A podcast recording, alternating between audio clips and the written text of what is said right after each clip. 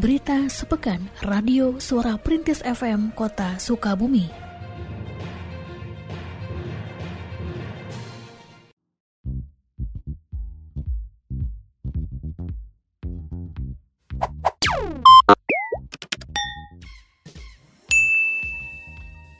Dinas Lingkungan Hidup DLH Kota Sukabumi membuka beberapa layanan di mal pelayanan publik seperti pembuatan dokumen lingkungan, termasuk pengaduan masyarakat mengenai lingkungan hidup.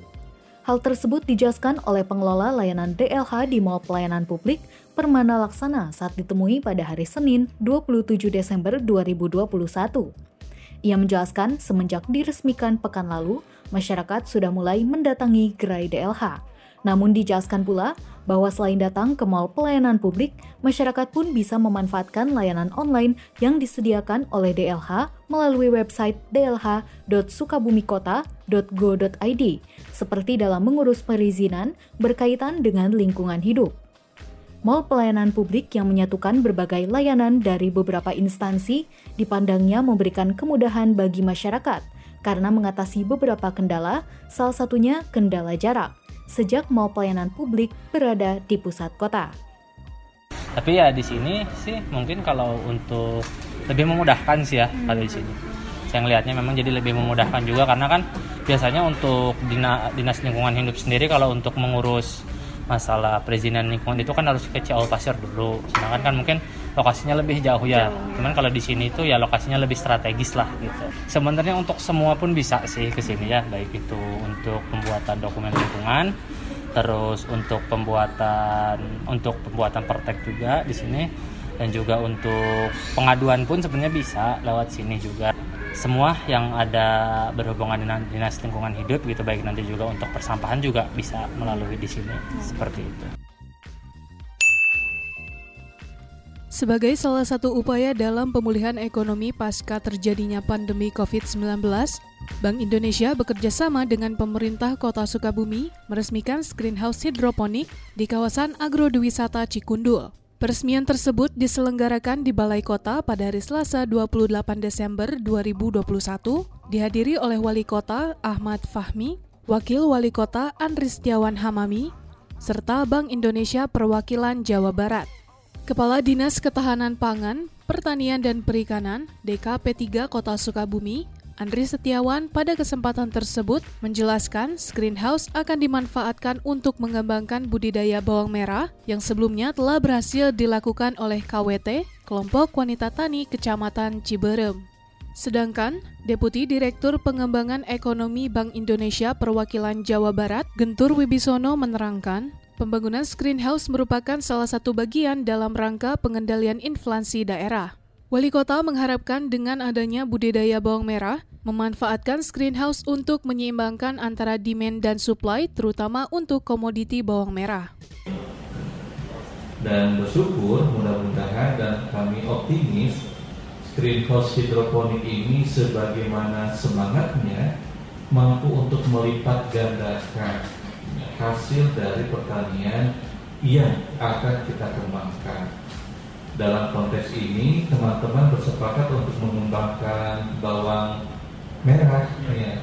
meskipun tidak bisa dipungkiri tadi Pak Kadis antara demand dan supply dari benih atau bibit bawang merah ini juga masih luar biasa nih Pak ya.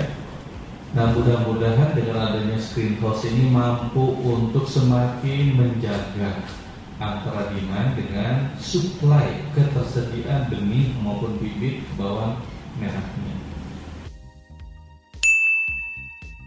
Sebanyak 56 ribu data kepala keluarga penerima bantuan di kota Sukabumi yang termuat dalam data terpadu kesejahteraan sosial DTKS sudah diverifikasi oleh Kementerian Sosial, sedangkan sisanya masih menunggu proses verifikasi.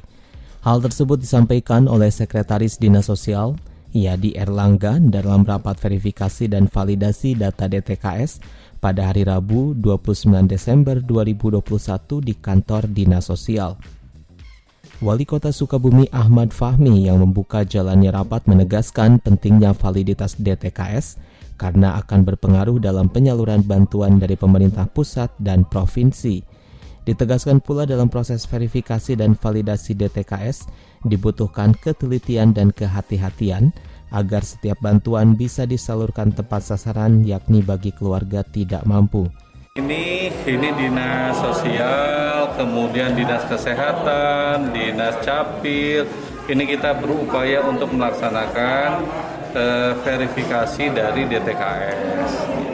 Kita berharap dengan pelaksanaan verifikasi ini Eh, data-data yang selama ini menjadi keluhan tepat sasaran atau tidak tepat sasaran ini mampu dijembatani dengan validasi eh, dengan kita terus memvalidasi eh, DTKS yang ada di wilayah Kota Sukabumi. Mudah-mudahan semakin meminimalisir data-data yang tidak up Penataan kawasan alun-alun dan lapang merdeka telah mencapai 100 persen. Pada Kamis 30 Desember 2021, Wali Kota Sukabumi Ahmad Fahmi bersama Sekretaris Daerah Dida Sembada serta jajaran Dinas Pekerjaan Umum dan Tata Ruang PUTR mengunjungi kawasan tersebut untuk meninjau hasil akhir penataan. Pada peninjauan tersebut, wali kota beserta rombongan memeriksa setiap bagian pada kawasan alun-alun dan lapang merdeka yang ditata sejak bulan Juli 2021. Kepala Dinas PUTR Kota Sukabumi, Asep Irawan, pada kesempatan tersebut menyatakan seluruh pekerjaan penataan telah selesai dan saat ini sudah memasuki masa pemeliharaan selama enam bulan, yang masih merupakan tanggung jawab pihak pengembang.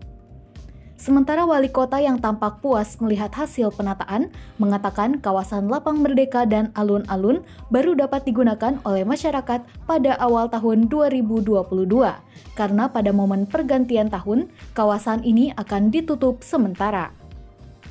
Alhamdulillah dari dua lokasi yang kita cek, alun-alun dan lapang merdeka, insya Allah pekerjaan sudah selesai 100% kemudian juga ini tinggal finishing yang sedikit lah perbaikan-perbaikan sedikit dan mudah-mudahan pasca tahun baru ini sudah dapat digunakan oleh warga masyarakat Kota Sukabumi. Ya, setelah uh, tahun baru, tahun baru aja. karena sekarang akan kita tutup dulu berdasarkan instruksi dari dari Pak Menteri ya. Ya, tentunya nanti di sini akan kita tempatkan petugas khusus dalam kerangka memberikan edukasi dan informasi kepada masyarakat terkait ini fasilitas yang tidak bisa digunakan uh, seenaknya. Yeah. Maksudnya penggunaan sepatunya, karena kan treknya trek lari dan yang lain sebagainya. Uh, termasuk juga menjaga uh, kondisi lapang merdeka dan alun-alun yang sudah sangat indah ini. Selepas meninjau hasil penataan kawasan alun-alun dan lapang merdeka, Wali Kota Ahmad Fahmi beserta rombongan beranjak ke kawasan pedestrian Ahmad Yani juga untuk melakukan peninjauan hasil penataan. Wali Kota dalam kesempatan tersebut menyatakan untuk penataan kawasan pedestrian Ahmad Yani segmen 1 hingga 3 telah selesai serta semua pekerjaan penataan sudah rampung sesuai dengan target. Pekerjaan tersisa saat ini adalah penataan ulang kabel listrik dan telepon sepanjang kawasan pedestrian. Alhamdulillah hari ini segmen 1, segmen 2, segmen 3 ini sudah dapat dinyatakan selesai. Memang masih ada yang sedang dikerjakan ini tapi terkait pemindahan kabel saja ya. Pemindahan kabel, kabel uh, Telkom yang belum selesai. Tapi insya Allah kita optimis ini bisa diselesaikan. Kalau fisik semuanya sudah selesai. Tidak ada masalah yang berat? Enggak, enggak ada, enggak ada masalah. Fisik semuanya sudah selesai. Sesuai dengan target? Sesuai dengan target, Alhamdulillah. Wali Kota Sukabumi, Ahmad Fahmi, melantik empat orang pejabat pimpinan tinggi Pratama dan sembilan orang pejabat fungsional di lingkungan pemerintah Kota Sukabumi pada hari Jumat 31 Desember 2021. Adapun empat orang pejabat pimpinan tinggi Pratama yang dilantik adalah Rahmat Sukandar sebagai Kepala Dinas Komunikasi dan Informatika, Reni Roshida Mutmainah yang menjabat Kepala Badan Perencanaan Pembangunan Daerah Bapeda, Kemudian Muhammad Hasan Asari sebagai Kepala Dinas Pendidikan dan Kebudayaan, serta Asep Koswara yang memban amanat menjadi Sekretaris DPRD. Sedangkan sembilan orang pejabat fungsional terdiri dari tujuh orang yang bertugas di Dinas Penanaman Modal terpadu satu pintu dan dua orang yang bertugas di Dinas Pekerjaan Umum dan Tata Ruang. Wali Kota yang didampingi Wakil Wali Kota Andri Setiawan Hamami dan Sekretaris Daerah Dida Sembada saat memberikan keterangan pers mengharapkan empat orang pejabat pimpinan tinggi Pratama yang baru dilantik langsung beradaptasi dan menunjukkan kinerjanya di awal tahun 2022. Selain itu, berbagai kendala yang masih terjadi pada tahun depan dari mulai pandemi COVID-19 hingga kendala penganggaran harus diantisipasi dengan baik agar percepatan pembangunan tetap bisa dilakukan. Ya, Alhamdulillah hari ini di penghujung tahun ini ada empat JPT yang kosong, atas KPN yang kosong, atas kesepakatan dan kemudian juga atas izin dari KSN akhirnya dilaksanakan pelantikan. Mudah-mudahan harapannya di tahun baru tanggal 1 ini mereka sudah running di SKPD-nya masing-masing. Tadi saya sampaikan pertama bagaimana situasi pandemi ini juga kita belum tahu akan berakhir atau tidak. Kemudian juga situasinya penganggaran masih cukup sulit sampai dengan saat ini.